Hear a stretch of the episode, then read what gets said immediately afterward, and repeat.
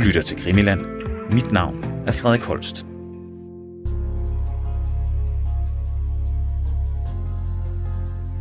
En af bokserne rammer hans benzintilførsel, og der får han salgband ind i øh, benzin, og der kan han ikke starte. Og der lægger han drive rundt i tre døgn i dårligt vejr. Og der er han altså ved at, at gå til det ude. Øh, det var så slemt, at øh, hans skin på armen, det kunne sådan stryges af. Og så kommer han senere på Frederikshavns værft, og der fortæller de blandt andet, at han havde to værktøjskasser. Den ene, det var til cigaretter, og den anden, det var til værktøj. Og han, han ja, den der med værktøj, den, den så de ham aldrig med. Det var kun den med cigaretter, han gik med. Der er han cirka en uh, par hundrede meter foran tolleren, og i svinget der, der hopper Torkel ud øh, over en, ha- øh, en hæk og gemmer sig i hækken, og det ser tolleren ikke. Da de kommer frem i svinget, der har Torkel gemt sig.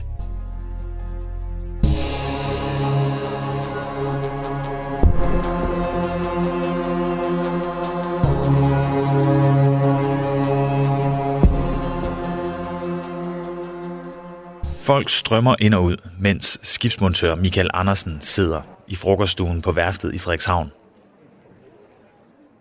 Han krosser mellemlægspapiret fra madpakken sammen og sætter koppen til munden for at tømme pausens sidste kaffetår, inden arbejdet fortsætter. I det han går gennem døråbningen til frokoststuen, stopper værftsføreren ham. Allerede inden han åbner munden, kan han se, at værftsføreren er lige så forbavset over, hvad han skal til at sige, som han selv bliver. Det polske skib, der ligger ude på redden, har brug for noget assistance, og de spørger efter skibsmontør Torgild Løndal. Michael kigger undrende på værstføreren, som lige så vel som ham selv ved, at Torgild Løndal kun er arbejdsmand. Eller, det er ikke engang så meget arbejde, han får fra hånden. Faktisk er det hovedsageligt smuglercigaretter, han får fra hånden. Men jeg tænker, du lige tager med ud til dem, fortsætter værstføreren. En klump samler sig i Michaels mave, for han ved udmærket godt, hvorfor det polske skib spørger specifikt efter Torgild. Der er sikkert ikke noget i vejen med skibet. Det her handler udelukkende om smuglerforretning. Og selvom Michael ikke har hørt om, at Torgild skulle kunne være voldelig, så tænker han, at muligheden er der. For sådan er det vel altid med kriminelle. Michael og Torgild hopper ned i en lille båd og sejler ud til skibet, og de to veksler ikke et eneste ord hele vejen ud til redden. Mens de kravler ombord, bliver Michaels bange formodninger bekræftet for ham, eftersom Torgil lader sin værktøjskasse blive i båden. Han tager selv værktøjet med, for skulle der komme tollere, så vil han i det mindste selv have et alibi. Ombord på skibet bliver der forhandlet på en blanding af polsk, tysk og dansk, og der går ikke længe før de går fra bord igen. Michael sidder med et tomt blik, mens de sejler mod værftet igen. Mest i sine egne tanker og så sin mistro over, hvad han lige har oplevet.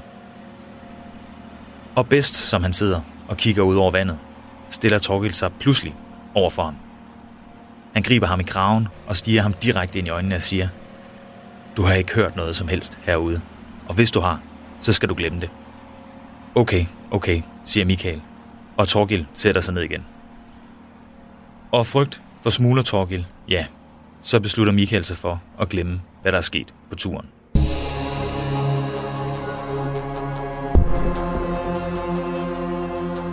Velkommen til denne uges udgave af Krimiland, det store til selvbord. Og det her, det er faktisk også det sidste afsnit i den her miniserie. Men mere om det sidst i afsnittet. For i den her Krimiland-serie, der ser vi nærmere på den kriminalitet, der i 60'erne og 70'erne blomstrede frem i takt med blomsterbørnene og var med til at farve kriminalitetsbilledet mange år efter. For når man kigger på perioden, hvad enten man selv oplevede den, eller om man er begrænset til, hvad der er skrevet eller fortalt om tiden, ja, så er det ikke altid, at kriminalitetsbilledet kommer med. For det kan være nemt at fortabe sig i historierne om fremgang, parcelhus, kvindefrigørelse og slumstormer. Men det betyder ikke, at folk var mere lovlydige dengang. Jo mere jeg finder ud af, begynder jeg faktisk næsten at tro, at det omvendte var tilfældet. I hvert fald, når man ser på, i hvilken grad det var accepteret at snyde statskassen. Mit navn er Frederik Holst. Jeg er din vært, og jeg har i kraft af min fars politi- og røverhistorier fra 80'erne og 90'erne fået pirket min nysgerrighed på, hvordan tiden før det, altså 60'erne og 70'erne, var med til at forme det kriminalitetsbillede, vi så senere. Derfor ser Krimiland i den her serie nærmere på datidens kriminalitet, og i de her afsnit, så ser vi nærmere på smugleriet. Nærmere bestemt cigaretsmugleriet. For med store penge at tjene, og en beskeden straframme, ja, så voksede der en stor underskov af mere eller mindre professionelle smuglere frem. Og ja, i sidste afsnit, der hørte vi også om, hvordan de store besparelser også gjorde, at her fra Danmark glædeligt smuglede varer fra spritfærgerne eller grænsebutikkerne for at kunne spare afgiften. For det at varerne i udgangspunktet var lovlige, gjorde det, om ikke legitimt, så i hvert fald accepteret at snyde på vægtene. Og i det her afsnit, der tager vi endnu et kig på smuglerbanderne og hvordan det farverige persongalleri kunne tjene store summer. Og faktisk så har vi allerede nævnt Røsbætteligaen og Torkel Løndal Terkelsen, som det her afsnit handler om. For han optræder faktisk i Nils Ph.D. og selvfølgelig også i et hav af straffesager for smugleri. Og nu har vi så fundet frem til en, der har arbejdet med, eller imod Torgil på tættere hold. Det er Egon Nielsen, der er tidligere toller i Nordjylland, hvis karriere som toller strækker sig fra 60'erne og frem til det nye årtusind. Og i årenes løb har han stødt på virkelig mange, der forsøgte at smule ting med ind i landet, hvad enten det var narkotika eller cigaretter. Og her er han stødt på et utal af historier om Torgild Løndal Terkelsen, altså lederen af Rødspætteligaen, som vi snakkede om kort i afsnit 2. Selvom Egon mest har været i periferien, eller måske i hælene på Torgils skørn og laden, så har han efter sin pensionering fra tollerfaget skrevet en bog om blandt andet Rødspætteligaen, som han kalder Torgils bande. Og i kraft af det, så har han talt med rigtig mange. Faktisk rigtig, rigtig mange, der har været i berøring med Torgild og Rødspætteligaen. Og der har han altså fået en masse røverhistorier. Og det er de historier, og historien om Torgild Løndal Terkelsen, der er dagens tema i Krimiland, i et afsnit, vi kalder for Rødspætteligaen. Torgild Løndal Terkelsen ender som en af den jyske regions helt store smuglere, og selvom han modsat Bent Ricardo og de andre københavnske speedbådsmuglere ikke nærmest opsøger medierne og lever som en playboy, så tjener han i perioder virkelig mange penge. Men alt har en begyndelse, og det har Torgils smuglerkarriere også. Torg Løndal Terkelsen, også kaldes øh, Røstbætten, Istor Hartstein, eller doktoren, eller Stein. Det var de navne, han havde. Torkel han stammer fra en lille ejendom, som ligger imellem Frederikshavn og Ravntøj. Og der voksede han op. De første smuglerier foretager han, mens han er hjemme på adressen. Det udviklede sig så senere til at, uh, til at omfatte mange andre steder. Men det er hans første smugleritogter. Dem laver han hjemmefra. Og hvordan laver, altså hvad, hvordan laver han dem? Er det til Polen og, og hente ting, eller er det, nej, hvor, hvor får han sine smuglervarer fra? Det nej, der? nej, det får han ikke i starten. Nej, dem øh, får han fra færgen. Og det var, som jeg sagde før, at øh, færgen havde ubegrænset af cigaretter til salg. Øh, og der køber han dem lige af besætningen. Han er ikke andet 15 år, dengang han startede, og finder ud af, at der er penge i det her. Og der starter han øh, hans karriere, og det bliver mere og mere, for han tjener flere og flere penge. Det er hans start, det er fra færgen. Men så udvikler det senere det øh, at købe ved de forskellige fragtskibe, der kommer til øh, ja, hele Jylland, hele Danmark. Og det udviklede sig også til, at han begynder selv at, at hente det i øh, Polen. Både i speedbåde og mange andre både henter han det. For han bruger alt. Det var hans karriere med transportmidler. Men det er alt, han bruger.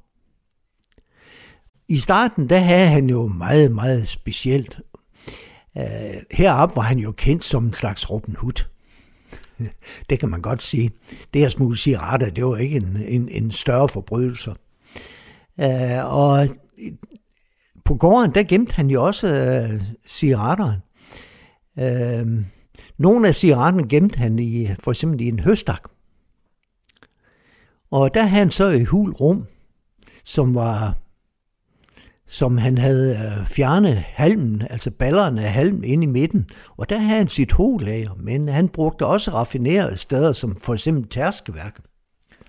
Gårdens tærskeværk. Og der skal vi lige til, til folk, der ikke er kendt omkring en, en gård tærskeværk. Hvad... Ja, et tærskeværk, ja.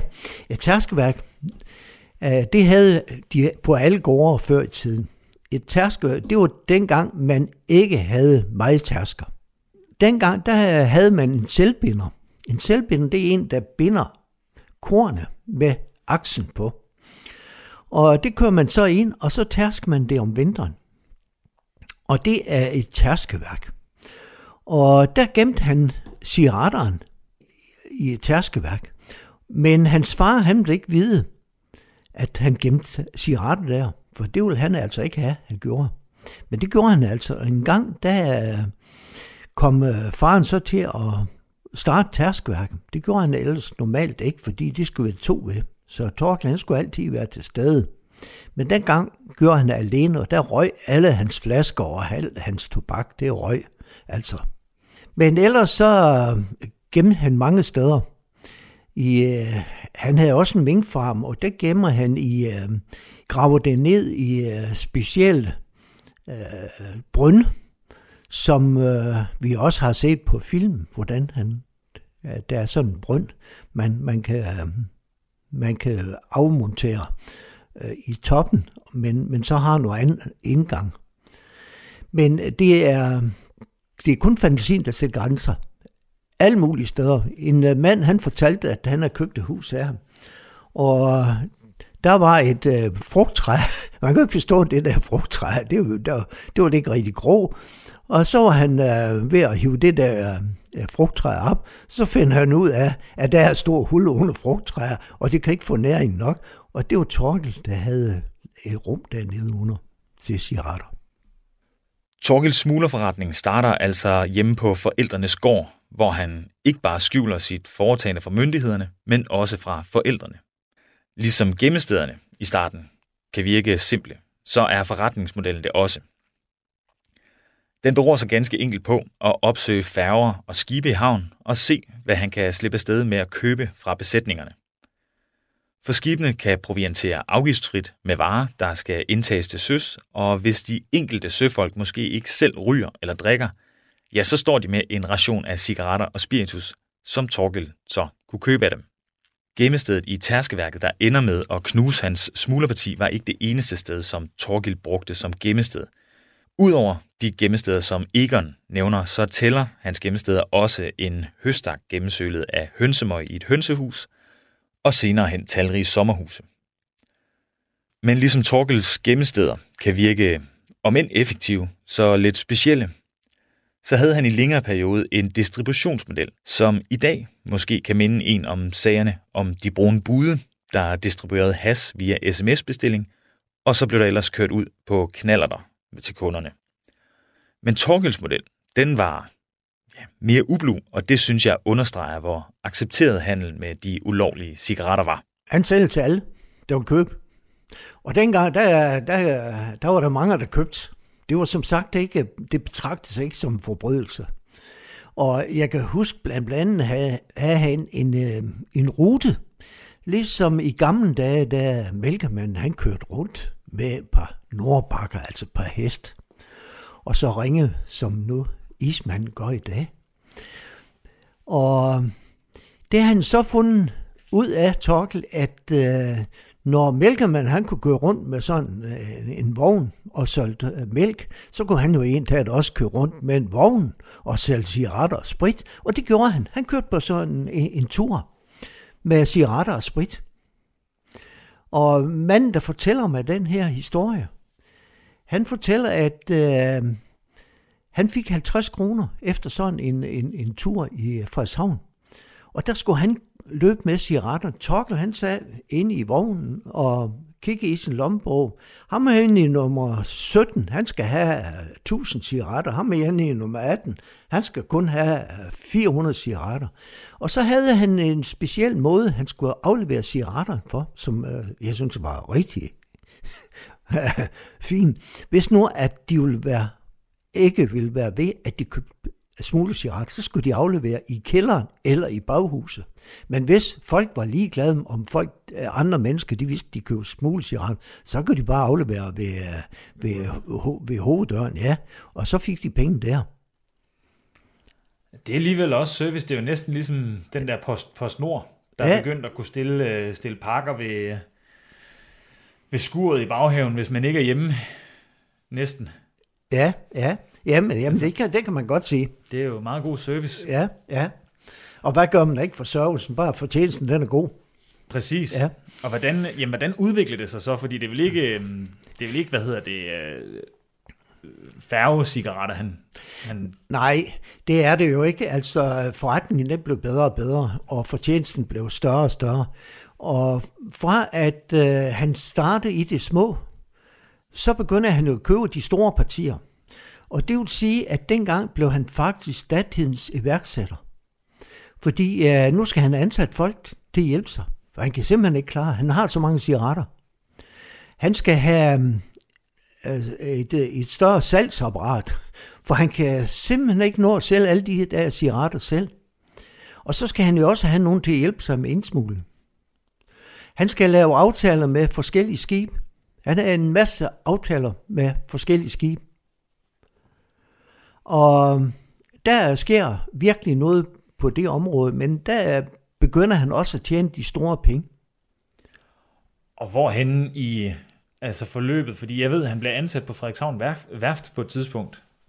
Er det her, eller det... Ja, det er i Frederikshavn. Ja. Ja.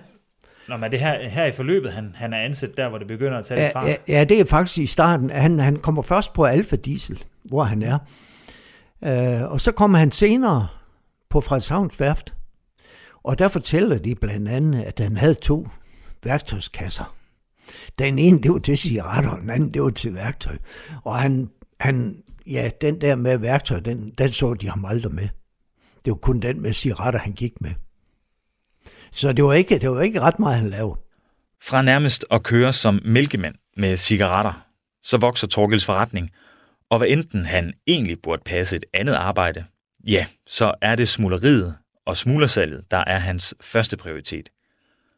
Sådan er det i hvert fald, da han bliver ansat på Frederikshavn Værft, hvor størstedelen af arbejdstiden går med at sælge cigaretter til kollegaerne og skaffe nye forsyninger og forretningsforbindelser. Og det har Egon en speciel historie om. Jo, det var, det var et polsk skib, som lagde ude på redden her i, øh, uden for Frederikshavn. Og de kontaktede værfte, og de ville gerne have øhm, en montør ud og lave et stykke arbejde. Og det skulle være Torkel Løndal Terkelsen.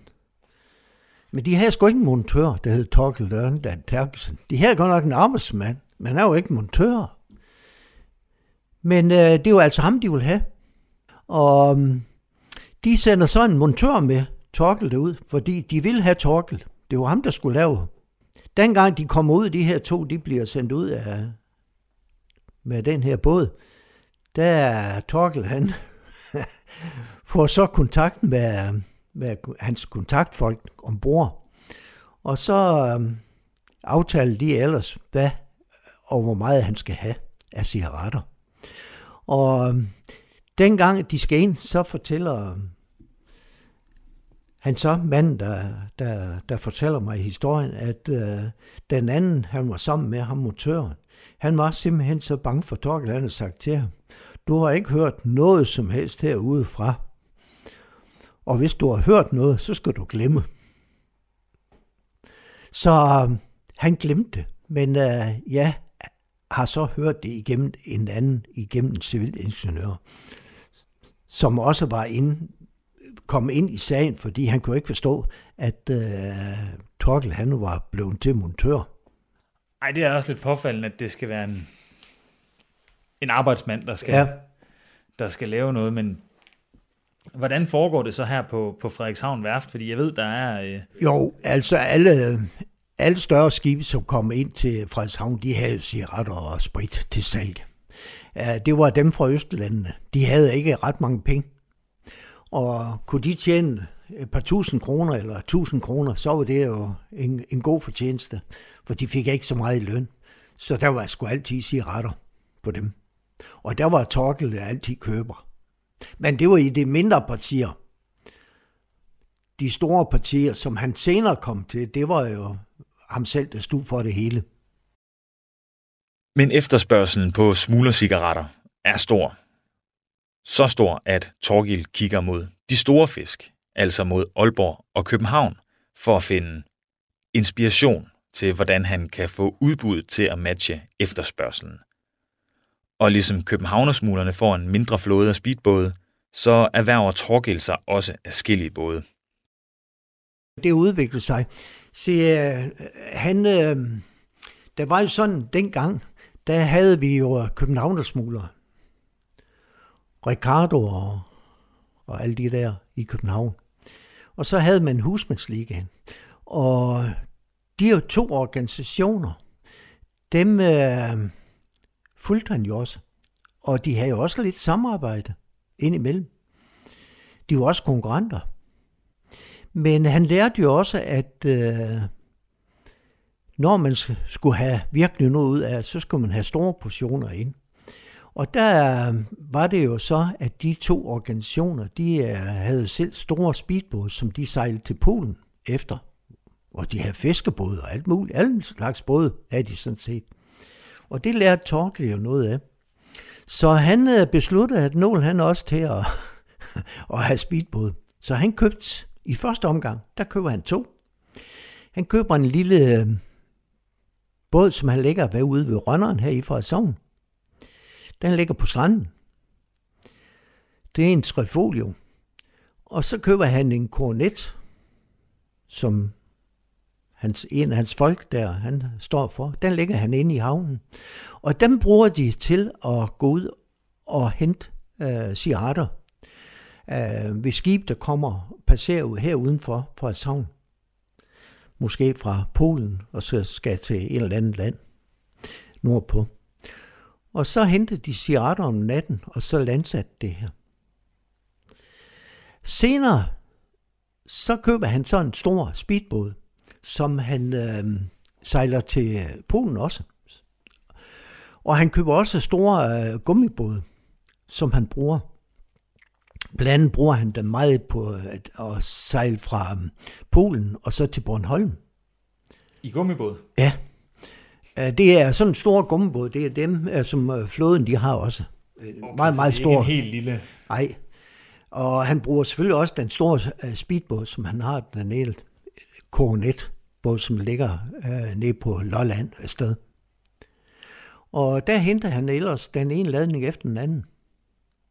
Og polakkerne, de vil gerne sælge, for der var, der var penge i.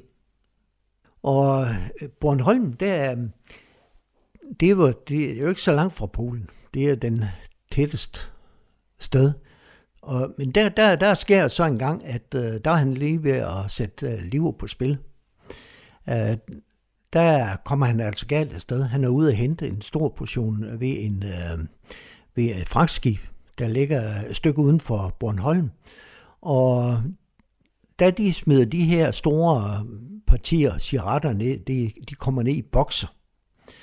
Der øh, en af bokserne rammer hans benzintilførsel, og der får han salgband ind i øh, benzin, og der kan han ikke starte. Og der lægger han drevet rundt i tre døgn i dårligt vejr. Og der er han altså ved at, at gå til det ude. Øh, det var så slemt, at øh, hans skin på armen, det kunne sådan stryges af. Så langt var han ude. Fordi altså sol og vand, og, ja, ja, og, altså, ja. er der våd? Altså bølgerne, de slår over ham konstant. Ja. ja. Der bliver han uh, slæbt ind af en, øh, af en russisk tankbåd. Og han overlever altså. Men øh, han har altså ikke cigaretter med, de er kastet ud. Og hvordan kommer, altså, det lyder jo vanvittigt det her med, at han, altså han må være voldsomt afkræftet og sådan noget. Hvordan kommer han så så efter det? Ja, der kommer han, øh, der kommer han øh, på regression. ved en af hans folk, som øh, bor et stykke uden for Silkeborg. Der er han i 14 dage. Selvom hans erhverv som smugler er tæt på at tage livet af ham, så fortsætter Torgel ufortrødent sine forretninger. Men som tiden går, og smugleriet vokser, så vokser behovet også for bedre materiel. Og det bliver faktisk Torgils unge medhjælper, der hidtil har hjulpet med det udkørende cigaretsalg, der bliver kilden til at få fornyet forretningen og få indkøbt bedre biler og både for at sikre, ja, at de når frem, men også at de kan nå frem uden at blive fanget. Torkel var jo øh, som sagt meget berømt heroppe. Han var også anerkendt, og de unge mennesker, de, de synes jo, det var, det var frisk gjort, at han kunne snyde, snyde myndighederne, og så fik så meget ud af. Og Torkel var meget rundhåndet. Han var også ærlig over for den. Så en af de øh, folk, han fik med, af de yngre, han var hos ham i, i meget lang tid og hjalp Torkel enormt meget og modernisere også hans smugleri. For dengang Torkel han øh, startede, en af hans fase, det var jo, at han var, han var enormt øh, nærig, Torkel. Der er nok ikke nogen, som jeg i hvert fald kender, der til nærmestvis kommer i nærheden af Torkel. Han var så nærig og glad for penge. Uh, han kørte altid i en gamle biler. Men det fik han øh, så øh, lavet om på, at øh, det var noget ordentligt grej, de havde. Og han var hos ham i, i flere år. Og han var med til at udvikle. Men han er aldrig blevet taget. Ved Rønneren i Frederikshavn, der, var, øh, der lagde de trifolium. Der sejlede de ud om, om aftenen efter cigaretterne, som de havde, de havde jo aftalt. I forvejen havde de aftaler med de forskellige skibe. Hvis det var dårligt vejr, så brugte de en stor kornet, eller fik fat i en fiskerbåd. Hvis det var godt vejr, så brugte de en lille. Og der var så en ung mand, han øh, skulle så passe den her lille båd. Det var for øvrigt ham, der var med på, øh, på den der øh, tur med selv cigaretter. Ham mælke, mælke, mælke, mælke, mælkedrengen ja, nærmest. Ja.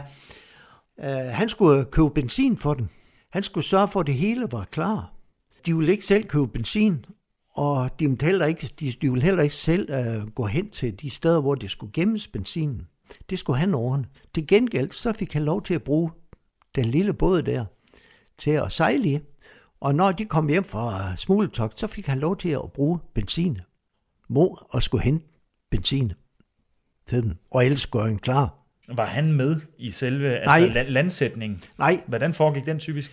Landsætningen, jamen den foregik jo øh, på den måde, at øh, de kommer ind. Der er jo altid landsætnings, øh, eller modtager, modtagerhold. Uh, modtagerhold, det er, det kommer jo også an på, hvor stor smugleri det er. Er ganske lille smugleri, måske for 10.000 cigaretter, så er ingen problem, så gør de det selv. Men er det, hvor vi snakker om, vi om millioner, så har vi straks, uh, an, uh, så har vi jo nogen uh, til at modtage uh, cigaretter på land. Og der, der skal altså bruges mange folk. Så der er jo forskel, hvor stor smugleri er. Og der er flere folk, der har forskellige... Øh, ja, opgaver. Sige, forskellige opgaver. Ja, ja. Ved, du kan tage mig igennem, hvordan sådan et... Øh, hvordan det typisk... Jamen, øh, i det øjeblik, at de har fået det, øh, Øh, er det noget en uh, direkte landsætning, for eksempel øh, med 5 millioner, som for eksempel der var lidt heroppe ved Skagen her en, gang, jamen der er to. Der er to uh, biler, der modtager dem. Og de kører så hen det ene, uh, den ene bil, den kører hen til et sommerhus, som de i forvejen har leje. Og den anden kører hen til en uh, nedlagt ejendom, som de også har rådighed over. Og der er de så et stykke tid. Øh, hvis det er sådan, at det skal transporteres ned fra, de kommer fra Polen, og for eksempel øh, landsæt ned på Lolland, før, øh, Sjælland eller Møn, mm. jamen så skal de til Nordjylland. Og der gør de det, at øh, de øh, putter det ind i bilerne. Og øh, de biler, de bliver parkeret et eller andet sted, øh, indtil trafikken den starter om morgenen. Og så først da kører de må bestemmes sted. Fordi de tør ikke at køre om natten. For de er bange for, at politiet stopper dem. Det er også mistænkeligt. Ja, så, så det, det er det første, i det øjeblik, at uh, trafikken, morgentrafikken, den starter, så starter de også. Men, men det er ikke sådan, at uh, det er ikke så let alligevel. Torkild bliver altså nærmest set som en form for iværksætter. Og hvis vi skal blive i den terminologi, så kan hans unge hjælpers indvendinger vel ses som en form for disruption af forretningsmodellen. Og forretningen den kører fedt i mange år, men eftersom det hele nærmest foregår i det åbenlyse, ja, så begynder ordensmagten også at få øjnene op for Torgels forretning. Faktisk har de nærmest blikket rettet direkte mod Torgel, og eftersom det er offentligt kendt, at Torgel handler med smuglervarer, så bliver det svært for ham at gøre særlig meget, uden at han bliver kigget over skulderen. Det afholder ham dog ikke for at fortsætte sit forretning, for udover at Egon har historier om selve smuglerierne, så har han også fået alle beretningerne om, eller i hvert fald mange beretninger om, hvordan Torgil gang på gang forsøger at sno sig uden om lovens og tollernes lange arm. Det var to unge kollegaer, som øh, var blevet ansat. Øh, det var nok i først i 70'erne. Og Torkel var på det tidspunkt ikke i fængsel, så var han øh, næsten 50 procent af hans tid, hvor så er han jo i fængsel. Men der var han altså fri. Og de her to kollegaer, de havde så set Torkel en aften køre i Frederikshavn. De kommer kørende i patruljevognen, og de øh, skygger ham så. De skygger ham hjem til hans bopæl, som på det tidspunkt var i Håndbæk kvarter. Det er et kvarter her i Frederikshavn. Og Torkel, øh, han stiller bilen på normalt hans parkeringsplads og går op i lejligheden. Og de her to kollegaer, de bliver så ved ham og observerer på ham hele natten. Hen på morgenen, der blev de ringet op og spørger, hvad en af de laver. Så siger de, at observerer på Torkels lejlighed, for de mener, at der skal ske noget. Ja, det kan det, han fandme ikke forstå ham kollegaen, der ringede, fordi han var lige blevet anholdt i Randers med en hel masse cigaretter. Og Torkle var jo sådan, han var jo rigtig uh, dårdreven. Han kunne jo nok se, at han blev skygge. Og øhm, ja, så ligesom en rev har to eller tre eller fire udgang, så havde Torkel altså også. Han gravede bare ud af vinduet. Og han er jo, altså, i det vi har talt sammen, øh, om, om Torkel, lyder han jo som en mand med en utrolig hittepåsomhed i forhold til, hvordan han kunne eje, og også i forhold til at prøve at snyde tollerne. Der var jo blandt andet også en historie, var det fra Aalborg Havn? Nej, det var, nej, det var i Frederikshavn. Det var to tollere, der havde set ham, at han har kontakt med et skib, et fragtskib, mens det lå i havnen.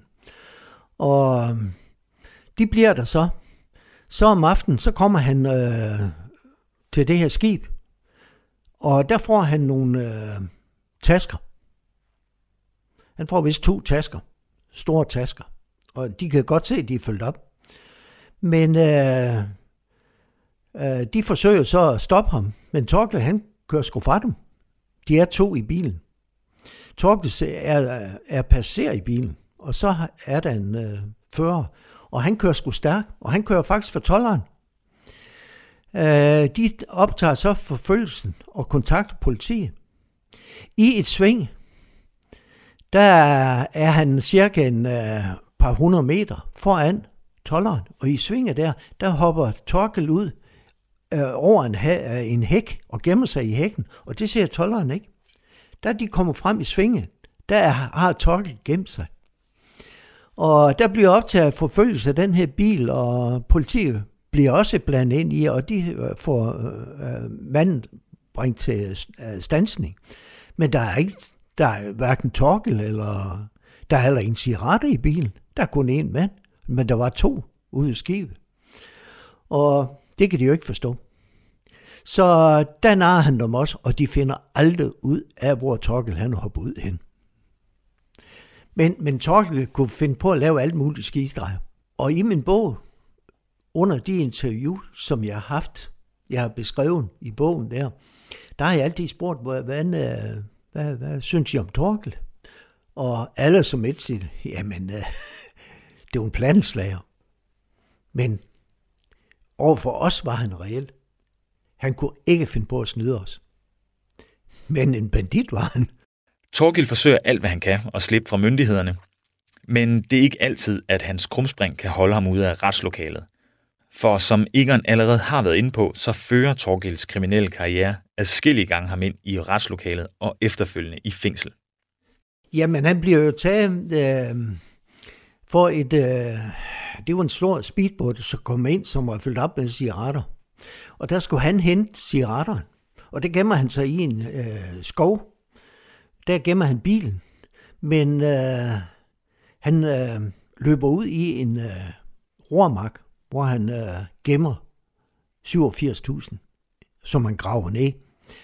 Og øh, politi, som øh, kom og fandt ham, øh, de finder også en bådmotor og på vadestøvle i den her varevogn. Og han bliver så sigtig i den her smuglersag, fordi de er jo klar over, for tolleren de fik sgu fat i øh, den her båd med alle de her cigaretter. Og han bliver så sigt for alt det der, men Torkel han nægter jo alt. Han siger, det, det kan, jeg kunne aldrig finde på at smule. Det var det eneste, det kunne jeg aldrig finde på. Og han kommer i retten, og manden, der fortæller mig den her sag, og den her øh, situation i øh, retten, han griner simpelthen så meget, at jeg ikke kunne få en virkelig indsigt i sagen, så er jeg nødt til at sige til ham, nu, nu tager du stille og roligt, og så fortæller mig. Og der fortæller han så, at Torkel er så nærig. Og dengang han skal i retten, der forsvaren han siger til ham, nu skal du opføre dig ordentligt, og så tage pænt tøj på. Men Torkel har sgu ingen pænt tøj. Han var sgu for nærig til at købe pænt tøj. Så han øh, skriver til en kammerat, som han vidste havde jakkesæt, som var meget gammel. Og det får han så sendt i, øh, i øh, fængsel der. Og det tager han på. Men øh, den her mand, han er jo ikke så stor. Torkel har sådan lidt, lidt øh, stor mave. Og det ser tosset ud, da han kommer ind i retten. Hans øh, øh jakken kan ikke knappes, og bukserne, de, de går næsten til øh, ikke andet end et par centimeter ned under knæerne, og ærmerne, jamen de stumper også, så det så jo bare komisk ud. Og i det øjeblik, folk de ser ham, jamen så er, er, er morsomhederne så er det, de er startet. Men der kommer Torkel altså op i, øh, i vidneskranken og skal fortælle om det her. Og der spørger anklageren så efter, hvad den her, den her bådmotor, hvad skulle du egentlig bruge den til? Jo, sagde Torkel, jeg kommer jo fra Frederikshavn, og i Frederikshavn, der er så mange rødspætter. Alle de fisker rødspætter, de står lige meget hvor det er hen, så står de og fisker rødspætter. Og de bruger sandår. Og lige pludselig så finder jeg en idé, siger Torkel. Jeg vil til at være ormgrosser. ja, og så tænkte jeg, at jeg gad jo ikke at grave, så jeg købte en, øh, en bådmotor. Det er den, jeg har ude i bilen. Og der går jeg ud og starter. Og så står jeg derude, og ormen de vælter op af havbunden. Og det var den rene øh, øh guldgruppe dengang. Jeg tjente så mange penge ved det. Hvad så vadestolen? Hvad skulle du bruge dem? Ja, det er vist, det blev højvandet, sagde du. og sådan var han hele tiden. Ja, hans fantasi, der var, der var god. Historierne om Torgild Løndal Terkelsen, eller Røsbetten, eller senere Isidor Hartstein, som han faktisk skifter navn til for at skjule sig, at de fleste af dem de falder ned i en af tre kategorier. Smuglerhistorier, flugtforsøg og her til sidst historierne om Torgils, i mine øjne, utrolige nærhed. For mig er det nok her, hvor Torgild adskiller sig mest fra sine københavnske kolleger. For de virker til at være drevet af at kunne opretholde en dyr livsstil, og at det så betyder, at de skal bryde loven, det rører dem ikke så meget. Ja, der er Torgil lidt anderledes, sparsomlig, eller måske rettere sagt nærig i hvert fald med udgifter til smuglerforretningen og sig selv og sin nærmeste. Men som Egon også har forklaret, så er Torgil meget opfindsom, og det er han også i, hvordan han kan spare på benzinpengene. Det var rigtig humoristisk, og det kunne jeg ikke forestille mig, at der var nogen, der finder på. Øh, det var et parti, de skulle have ind fra øh, et skib, som øh, var i Tista i Tista Havn. Der skulle de op og hente om natten. Og det er altid om natten, de henter. Øh, de mener selv, at tolleren de går til ro kl. 12 om natten. det er deres filosofi. Men det er da rigtigt, at øh, vi er jo ikke så effektive om natten. Det er ingen mennesker, der er. Men øh, de kører ind over fra Frederikshavn, der har de, øh, der har de en varevogn, som øh, de kører mod Tista af. Og så kører de ind over Mosen.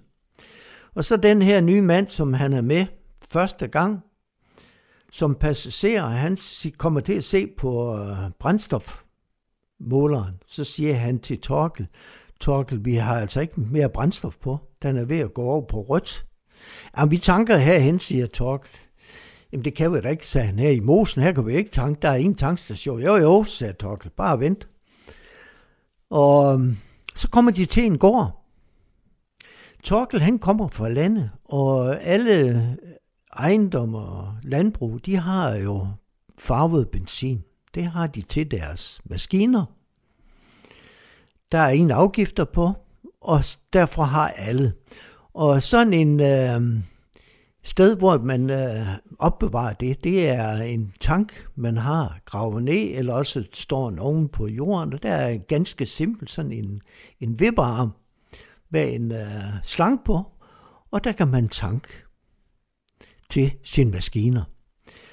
Og det vidste Torkel alt om. Han øh, slukker lyset på bilen og holdt og kigger ved den her gård. Gårdmanden han sov trygt ved konen der om natten. Med slukket lygter kørte ind på den her gård. Thor kører hen til maskinrum, for han ved nok, hvor den placerer. Og holder, og så tanker han bilen med farvet benzin. Da den er færdig, den er fyldt op, så kører de ud. Da de kommer et stykke ud, og hen ad vejen, så tænder han lyse. Og den her smugler, som var med første gang, han siger til Torkel, Torkel, det er noget galt, noget du har lavet. Hvorfor det, siger Torkel? Jo, er du klar over, det er farvet benzin, du har tank på? Ja, skidt der med det, sagde Torkel. Tollerne, de kan alligevel ikke se det om natten. Sådan var han så opfindsom. Det er utroligt, hvad han kunne finde på. Torgil har i alle sine gerninger øjnene på bolden. Og ja, bolden her er penge. Og det driver ham altså først og fremmest til smugleriet, og det er vel egentlig ikke så odiøst. Men hans hien efter rigdom, og egentlig også modviljen mod at bruge dem, ja, det driver også ind i hans private liv, som hans familie også kommer til at mærke. Øh, det var også en af hans øh, folk, som har fortalt mig, at øh, den største dag i Tol, øh, Torkels øh, liv, det var dengang, en gang om året, han var ude og tælle sine penge i de forskellige boks, øh, bokser, som han havde. Han havde i Schweiz havde han en boks i en bank, og han havde øh, på øh, Luxembourg havde han også. På en af kanaløller, der havde han også penge i en boks. Og en gang om året, så skulle han ud og, og tælle de her penge. Og det var, en, det var en meget stor dag i hans liv.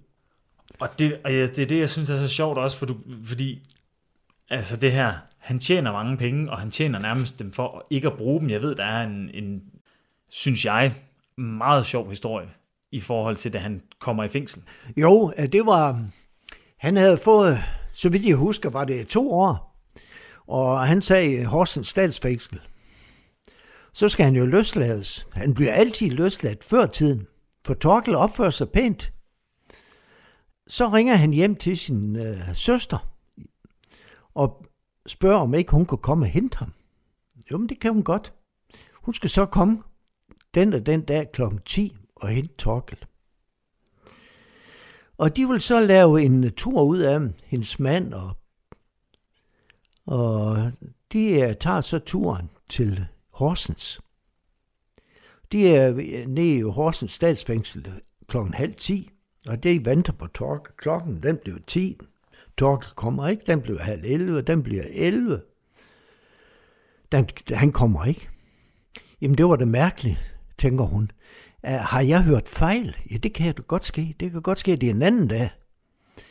Men så kommer der en funktionær ud fra øhm, fængsel der, og hun går hen og henvender sig til ham og spørger, ah, jeg skulle hente min bror, Torkel Løndal Terkelsen. Han skulle have fri her kl. 10, men han er ikke kommet. Nej, det er også rigtigt, sandt. han. bliver og spise en middagsmad. uh, han var simpelthen så fedt, at uh, kunne han få sin middagsmad, så ville han hellere der. Så skidt dem, de skulle vente i to timer. Det var lige meget. Han lader sig glædeligt søsteren vente foran fængslet i flere timer for at kunne spare et enkelt måltid. Og mere end det, så har Egon også en historie om, hvordan Torgils nærhed kommer i spil i hans kærlighedsliv. Han følger til noget, der hed Ålhuset i, øh, mellem Halsund og Mariager. Der købte han et lille fiskerhus. Alt var jo for varmt heroppe, så, så der, der, der bosatte han sig. Og der smuglede han selvfølgelig fra, og en af de steder, han øh, købte cigaretter, det var på et øh, russisk skib, som hentede salt i Maja. Og der var så en kvindelig øh, kok, og hende blev han øh, kæreste med, og til sidst så øh, blev han, skulle han skulle også giftes med hende. Og de holdt øh, brylluppet. Det var godt nok meningen, hun gerne holdt på et øh, konditori, for hun har hørt i Rusland, at det var det fineste i Danmark, det var konditori. Men uh, det var for dyrt, sagde Torkel. Det havde de sgu ikke råd til. Hun skulle også have en, hun skulle også have en brudekjole. Og der køber han altså et på øh, sådan en uh, genbrugsmark, en brudekjole. Og de bliver gift, men ikke, uh, de er ikke sammen ret lang tid. For den her uh, russiske pige, hun, uh, hendes mor, hun var syg. Og så finder Torkel ud af, at hun ringer hjem. Og det koster vist 40 kroner per gang, hun ringer hjem. Og det var sgu for meget. Så Torkel, nål, han blev altså skilt fra hende. På grund af de der 40 kroner, som, som det kostede hver gang, han skulle ringe, hun skulle ringe hjem. Gennem Torgild Løndal Terkelsens livslange kriminelle karriere er myndighederne naturligvis konstant i hælene på ham. Og som vi også kommer ind på i vores andet afsnit i fortællingen om smuglerne, så forsøger Torgil at lægge et røgslør for myndighederne. Om det så virker eller ej, det vides ikke. Men han skifter i hvert fald navn til Isidor Hartstein. Og ligesom flere af de andre storsmuglere, så har Isidor, eller Torgil, ikke nogen lovlig indkomst. Han er altså arbejdsløs og på overførselsindkomst i perioder, men ifølge Egon, så var kommunens aktivering ikke til hinder for, at Torgil kunne fortsætte sin forretning. Han var blevet ansat øh, ved kommunen i, Mar- øh, i Mariager. Ja. Der var han, øh, der skulle han ordne have. Han blev ansat som langtidsledig. Og der tager han så ud og ordner have, og han fortæller, at det er det bedste arbejde nogensinde, for der kunne han smule. Og så fik han kilometerpenge af kommunen for at køre ud til de forskellige. Men der kørte han altså ud og smule i stedet for. En slagter fortæller, at øh, dernede fra, at øh, når han havde tilbud til hundeben, det satte han altid øh, i avisen, nu er der, nu er der hundebid, når han er, eller hundeben, når han er. Så kom Torkel købte det meste af, og det lavede han suppe af. Og jeg øh, kender en, som øh, har set, at han har lavet suppe. Men han vil altså ikke have noget af. Og det var de der hundeben. Men Torkel spiste dem. Dengang han dør, der bliver hans, øh, der bliver hans have gravet op om natten. Hvem der er graven, det er ikke uh, nogen, som... Ikke myndighederne. Nej, og det er heller ikke nogen, som vil gøre ham tjeneste. Men uh, der blev altid snak om, at han havde en masse penge gravet ned i hans have eller andet sted. Ja, altså lige for at slutte helt, hvad er det, der ender med, altså hvad er det, han ender med at, altså at dø af, for det er jo egentlig også ret specielt og ret... Ja, der, der, der sker jo det, at uh, Torkel uh, bliver presset af den her situation, han er i. Han føler sig altid skygge. Og det kan jeg godt forstå. 12 jagter ham. Politiet jagter ham. Og der er også nogle af, af forbryderorganisationer, som vil have fat i ham, fordi han har så mange penge. Og der sker så det, at Torkel bliver stresset. Og når man får stress, så er man let ved at få mavesår. Det fik han. Han fik mavesår til sidst. Og det var så slemt, at han kom på sygehuset. Og der bliver han opereret. Og operationen gik godt nok. Og dengang han skal hjem, så får han så nogle piller med, som han skal tage. Og dem skal han tage resten af sit liv. Det vil sige, at han får nogen med gratis. Og så får han en recept, og den gælder resten af hans liv. For det medicin skal han tage. Og Torkel tager også den der medicin, som er gratis. Det går jo fint. Men da den der slutter, så skal han så ned på apoteket og, og købe piller. Og da han hørt prisen, så mente han, det, det kunne han egentlig have godt undvære, for nu har han blevet så frisk. Så han går hjem og sparer de penge. Men der går igen nogle få dage, så bliver han syg, fordi han ikke tager sin medicin. Og der kommer han altså på sygehus med et spring blind, af, af, bugen. Og der dør han altså på sygehuset på grund af sin nærhed og ligger begravet i dag på Frederikshavns Kirkegård. Isidor Hartstein, eller Torgild Løndal Terkelsen, ender altså sin dage ved nærmest lidt sin egen hånd, for han selv diagnostiserer sig selv rask, da han finder ud af, hvad behandlingen koster. Og det var så historien om Torgild Løndal Terkelsen, og selvom Egon har haft begrænset omgang med Torgild, så har han både i kraft af sit arbejdsliv som toller, sit arbejde med bogen om Torgilds liv, og sit liv i Frederikshavn virkelig oplevet, hvordan en smugler kan gå hen og nærmest blive en lokal legende. Alle, som har boet her i mange år, kender jo Torkel og har hørt historien, og alle smiler, når man snakker om Torkel. Alle har en eller anden for historie. Det er utroligt. Han har jo øh, præget i de år, der præger han øh, historien her omkring øh, hele tiden. Han fandt på altid på en eller anden skistreg. Så, øh, men efterhånden, så er de øh, fleste jo døde af de gamle smuglere, så der er ikke så mange øh, tilbage mere. Og de historier, jeg har fortalt her, er i kun et ganske lille udpluk af det, som jeg har fået at vide. Men foruden er der jo meget, meget, meget mere, som jeg ikke har hørt. Og jeg tror ikke, og jeg kender ikke nogen mennesker, der har lavet så meget og så mange skistreger, som han har gjort. Det var, hvad vi havde plads til i den her uges udgave af Krimiland, det store til selvbord. Mit navn er Frederik Holst. Jeg er din vært, og jeg har i den her uge fået hjælp af forfatter og tidligere toller Egon Nielsen til at fortælle om de røverhistorier, som cigaretsmuglerne har været omgået af. Og som jeg nævnte i starten af udsendelsen, så er det her forløbet sidste afsnit i Det Store til Selvbord. Men bare rolig, det er bestemt ikke sidste afsnit af Krimiland. For hen over sommeren, der har Christian Holtet været endnu en tur i Rigsarkivets læsesal, og der har han gravet flere interessante historier om kriminaliteten under og efter 2. verdenskrig frem. Historier, som han selvfølgelig gerne vil dele med Julie og alle os andre i Krimiland. Så fra næste uge, der vender Julie Bundgaard og Christian Holtet tilbage med endnu flere historier fra, hvad der nok har været den mest lovløse periode i dansk historie. Hvis du har historier eller informationer om det nuværende Krimiland-tema, eller et af de tidligere temaer, som du har lyst til at dele med andre lyttere, ja, så kan du gøre det i vores Facebook-gruppe, og den hedder Krimiland-Radio 4. Og skulle du have misset et afsnit i den her serie, eller hvis du har lyst til at høre et afsnit fra en af vores tidligere serier om blandt andet Æderkopsagen eller Estonia-forliset, så kan du finde alle tidligere afsnit på radio4.dk eller i vores app. Krimiland er produceret af Wingman Media for Radio 4. Tak for i dag, og tak fordi du lyttede med.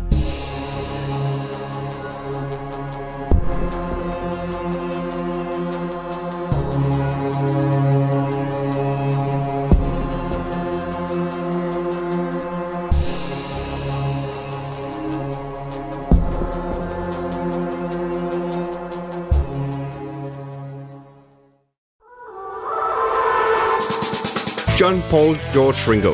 Det er nærmest et børnerim. I årvis har man diskuteret, hvem der egentlig var den femte Beatle. Jeg synes ikke, det er helt forkert at sige, at The Beatles er en af de 20. århundredes største myter. Over sommeren sætter Beatles-nørderne Christoffer Lind og Nils Jakob Myge jagten ind på at finde den, som har gjort sig fortjent til titlen. Nu skal vi have det etableret en gang for alle. Hvem var den femte Beatle? Fra store personligheder til anonyme vandbærere, dramatiske livshistorier og tragiske skæbner.